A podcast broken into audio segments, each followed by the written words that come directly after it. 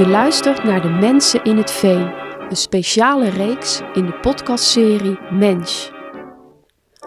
Dit is een bijzonder verhaal over de dunne en constant bewegende lijn tussen goed en kwaad, trouw en verraad. Het verhaal van een Joodse dansleraar, Hartog Meiler, en zijn lotgenoten in een klein dorp vlakbij de grens met Duitsland. In aflevering 1 hoorden wij hoe Hartog meerdere keren zijn woonplaats Winterswijk moet ontvluchten om aan de nazi's te ontkomen. Eind 1941 keert hij weer terug naar Winterswijk. Er wordt Hartog een bijzondere schuilplek aangeboden.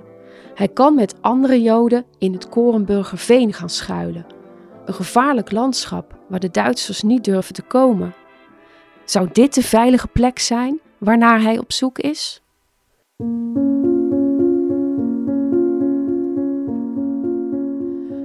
Vanaf de zomer van 1942 vertrekken vanuit kamp Westerbork de eerste treinen naar de vernietigingskampen. In Winterswijk zijn er razzia's en er is een NSB-burgemeester. De hoofdcommissaris van de politie, Feberwee, werkt fanatiek mee met de bezetter. De onrust onder de Joodse bevolking neemt toe. De broer van Hartog, Sally, is samen met een vriend van hem, David Meijers, op zoek naar een veilige onderduikplek voor hun beide gezinnen. Sally en zijn vrouw hebben een baby. David heeft ook een gezin. Ze kunnen geen kant op. Er zijn bijna geen onderduikplekken om met een heel gezin onder te duiken. Sally en David hopen zelf een onderduikplek te kunnen maken voor hun families in een natuurgebied vlakbij Winterswijk, het Korenburgerveen. Het Korenburgerveen is een groot, moeilijk toegankelijk gebied ten westen van Winterswijk.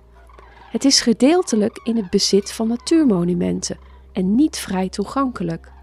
Het gebied staat onder toezicht van een boswachter, Johan Uland. Sally en David hopen hier een onderduikplek te kunnen maken. Hartog weet dat zijn broer contact heeft gehad met de opzichter Uland hierover. En die had hun beloofd dat wanneer zij op een bepaalde plek En die had hun beloofd dat wanneer zij op een bepaalde plek een onderkomen zouden bouwen, hij daar niet zou komen, zodat hij net zou doen of hij nergens van wist. Het veen is een oeroud gebied in de omgeving van het dorp. Langs de rand zijn enkele boerderijen, maar het veen zelf is gevaarlijk voor mensen die het niet goed kennen. Het veen lijkt zijn eigen zwaartekracht te hebben. Als je je voeten verkeerd neerzet, word je vastgezogen en kan je op eigen kracht niet meer losraken. De Duitsers hebben angst om dit gebied in te gaan. Ook in vroeger tijden vonden mensen die op de vlucht waren hun toevlucht in het veen. Een vriend van Hartog, Dolf Meijers, heeft al eerder een onderduikplek in het veen gevonden. Voordat hij daar naartoe gevlucht is, woonde Dolf in Amsterdam. Hij was daar in aanraking gekomen met de moffen en, en, en die was op transport gesteld naar Westerbork. Hij had kans gezien een kilometer of tien voor Westerbork uit de rijdende trein te springen en hij had dan zoveel geluk dat hij alleen maar een paar ontvelde knieën en een verstuikte pols had en verder niks. Die is s'nachts lopend en soms met een boerenkar meerijdend naar Winterswijk gekomen. En aangezien hij dus gezocht werd, was hij alvast ondergedoken in het veen.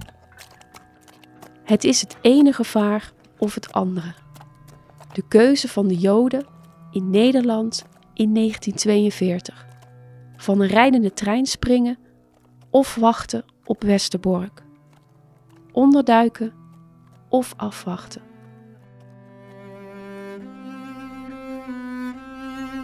Sally en David besluiten om met vrouw en kinderen onder te duiken en hun comfortabele huis om te ruilen voor een houten keet in het sompige veen. Kom je in zo'n hut de winter door. In februari 1942 daalden de temperaturen onder de min 20 graden. De wanhoop moet groot zijn. De plannen van Hartogs broer krijgen steeds meer vorm. Met de hulp van boeren uit de omgeving kopen en vermaken ze keten om in te wonen. In de nacht worden de keten naar het veen gebracht. Met de bedoeling, wanneer het noodzakelijk was, met de families en hun gezinnen daar naartoe te trekken. Gemakkelijker gezegd dan gedaan natuurlijk. Want voordat de gezinnen daar konden onderduiken, moesten ze een huisraad er naartoe zien te krijgen en vervolgens zelf naar de plek vertrekken. Zonder dat het iemand opviel. Best lastig in een dorp waar iedereen elkaar kent en waar ook NSB'ers langs de route naar het veen wonen. Om spullen naar de hutten te halen was er een hele operatie in gang gezet. Hartog wacht in het huis van zijn broer om half twee s'nachts, terwijl een paard en wagen kwam om alles op te halen. Om de hoeven van het paard zijn zakken gedaan om het geluid te dempen en ook om de kettingen van de wagen. Midden in de nacht komt het paard het smalle straatje in waar de familie woont. Hartog voelt zijn hart bonzen als het paard aankomt. Iedere stap klonk mij als een kanonschot in de oren. Want het was in augustus, een prachtige, warme nacht. Iedereen had de ramen open. En daar kwam dat grote, zware paard. Stap, stap, stap, stap, stap, stap, stap, stap. Ze nemen een enorm risico. De spanning is om te snijden. De wagen stopte voor de deur. Ik maakte de deur open. Er werd alleen maar gefluisterd. We waren maar met ons tweeën. We hebben al dat huisraad, zoals uit elkaar gehaalde bedden, kasten, manden met aardewerk, op de wagen geladen. Drie kwartier later slofte het paard weg, met zijn wagen volgeladen. En ik was alleen in het kale huis.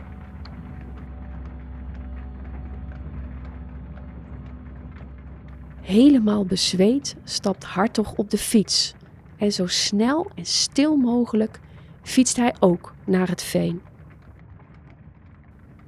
Het is gelukt. De onderduikers zijn het veen ingevlucht en hebben huisraad bij zich om te wonen. De groep in het veen die onderduikt groeit aan tot meer dan 23 mensen. Een groot gedeelte van Hartogs familie. Zijn vader, zijn broer met zijn vrouw en een baby, twee van Hartogs zussen. David Meijers zit er met zijn vrouw, zijn dochtertjes en moeder en broer. Nog een gezin met twee kinderen en ook enkele uit Duitsland gevluchte Joden. Het ging allemaal goed, voor zover je dat goed kon noemen. Want je had altijd je angsten. Via een netwerk van bevriende mensen in omgeving kunnen de onderduikers overleven. De boeren aan de rand van het veen zorgen voor de aanvoer van eten en water. S'avonds gingen wij naar Elburg, die het dichtst bij woonde, om de boodschappen op te halen. En overdag moest het natuurlijk een beetje rustig zijn. Oppassen dat je geen fornuis stookte wanneer de vliegtuigen overgingen. Je moest natuurlijk erg op je quivive zijn. Zo goed en zo kwaad als het gaat, proberen de onderduikers te overleven in het veen. Families met kinderen, een opa, een oma, jongeren. Soms zijn er spanningen met de Duitse Joden in de groep. Af en toe is er te veel lawaai te horen en waarschuwt een van de helpers dat ze stiller moeten zijn. Drie maanden later, eind november, verandert alles. Twee mannen stormen het kamp binnen. Op zekere morgen kwamen er tot onze ontzettende schrik twee heren, vergezeld van uw land, het kamp binnenstormen. Gewoonweg stormen. met grote sprongen, alsof ze bang waren dat we zouden vluchten. De mannen die uw land vergezellen zijn van natuurmonumenten en ze zijn bezig met een houtinspectie in het gebied. Ze gingen ontzettend tegen ons tekeer en gaven ons het bevel onmiddellijk op te stappen. Ja, je stapt zomaar op met een kind van een half jaar, kinderen van twee, drie. Dat ging natuurlijk niet. Nou, we zaten verschrikkelijk in de penarie. Na een tijd gaan de mannen weg. De mensen die in het veen zijn ontdekt, blijven vertwijfeld achter. Moeten ze geloven dat hun ontdekkers de politie niet inschakelen? Ze vragen raad aan een van hun helpers. En waar is een andere plek om naartoe te gaan? Die tover je niet zomaar tevoorschijn. Een van de onderduikers kent de burgemeester goed. Die mag dan wel NSB'er zijn, maar hij is ook veearts en veel Joodse veehandelaren kennen hem beroepsmatig. Alles zal zo vaart wel niet lopen, hopen ze. Ze blijven op hun schuilplek. In de avond is er opnieuw rumoer bij het kamp. En als donderslag bij heldere hemel stond daar opeens een aantal agenten en marechaussees voor onze hut. En het bleek dat ze ook de anderen hadden omsingeld. En de man ging ontzettend tekeer. Inpakken en afmarcheren. Het was een ontstellende consternatie natuurlijk. Kinderen gilden, vrouwen huilden. En vader greep een stoel om erop te slaan, maar die werd onmiddellijk vastgepakt. Hartog weet dat hij moet vluchten. Hij vraagt of hij zijn rugzak mag pakken voordat ze weggevoerd worden. En dat mag. Een agent wordt achter hem aangestuurd om hem te bewaken. Die heeft nauwelijks mijn rug gezien, want ten eerste heb ik helemaal geen rugzak, dus ik had ook niks te zoeken buiten. Het enige wat ik deed toen ik buiten was, onmiddellijk het veen instormen, waar ik dus enige maanden lang dagelijks rondgezworven had, waar ik ieder polletje gras kende. Liet de politieman hem lopen? Wilde hij hem een kans geven? Of zag hij het niet zitten, een achtervolging in de schemer het veen in? Hartog blijft rennen. Hij weet dat een van de boeren op het punt staat om eten te brengen naar de onderduikers. Hij moet hem waarschuwen, anders wordt hij ook gepakt. Hij is er net op tijd. Daarna waarschuwt Hartog de personen die de voedselbonnen van de onderduikers in huis hebben. Alle bewijs wordt snel begraven. Hartog vlucht richting het dorp naar een bevriende familie, maar hij durft niet lang te blijven.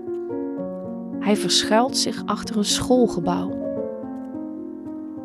Voor het eerst heeft hij de kans om na te denken. Toen de eerste paniek over was en je voor dat moment het vege lijf gered had, toen ging je je pas realiseren wat er precies aan de hand was.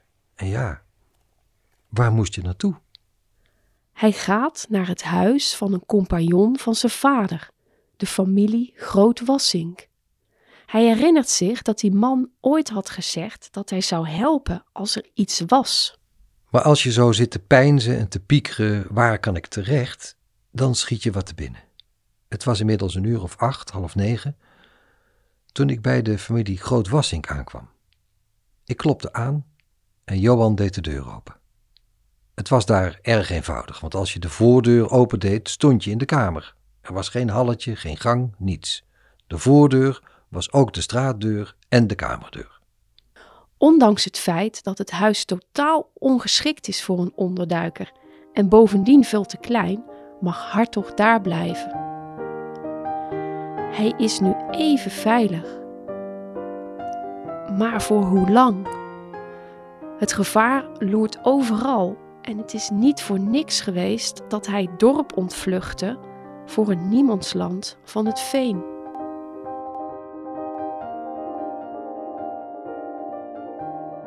In de wijk waar Hartog nu schuilt, is het de gewoonte dat de buren continu bij elkaar binnenlopen. Een gezellig buurtje, zegt Hartog, maar niet handig als je een onderduiker in huis hebt. Er wordt dus snel een waarschuwingssysteem bedacht. Er werd een bezem tegen de deur aangezet, Want als de buurvrouw binnenkwam, dan viel die bezem met een klap om, zodat ik als een haas de bedstee in kon duiken. Het huis is zo klein dat de bedstee ongeveer de enige plek is waar Hartog kan schuilen. De bedstee was eigenlijk mijn verstek. Overdag kon je daar niet in de kamer zitten, ook niet in de keuken, want meer was er niet. Ik heb daar enige weken in de bedstee gehuisd. En zo gaan de komende dagen. Hartog is weer veilig, maar leeft in constant gevaar. Hij leeft ook met vreselijke gedachten over wat er met de rest van de familie gebeurd is na de arrestaties in het veen. Omdat hij niet meer rustig kan blijven zonder dat hij weet wat er gebeurd is, neemt Hartog een groot risico en gaat toch de straat op. S'avonds, na een paar dagen, S'avonds, na een paar dagen, heb ik mij min of meer vermomd met een petje op van Groot Wassink en een wandelstokje. En alsof ik een oud mannetje was, ging ik de straat op. Want ik moest meer gewaar zien te worden van mijn familie.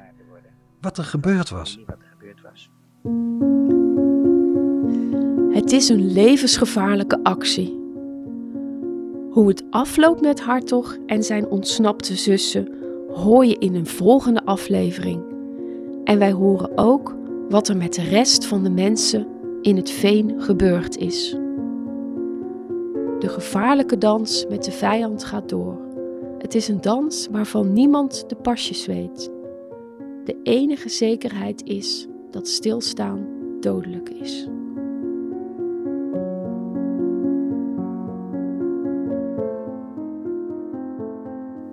Je luisterde naar een aflevering van De Mensen in het Veen, een speciale reeks in de podcastserie Mensch door Astrid Dekkers. Mede mogelijk gemaakt door de makerssubsidie van de gemeente Den Haag. De citaten uit het interview komen uit de bundel Met de moed van de angst. Het volledige interview is ook te horen via de website van het erfgoedcentrum Achterhoek en Liemers. Acteur Jaap Spijkers sprak de stem in van Hartog Meiler. Montage door Andy Clark.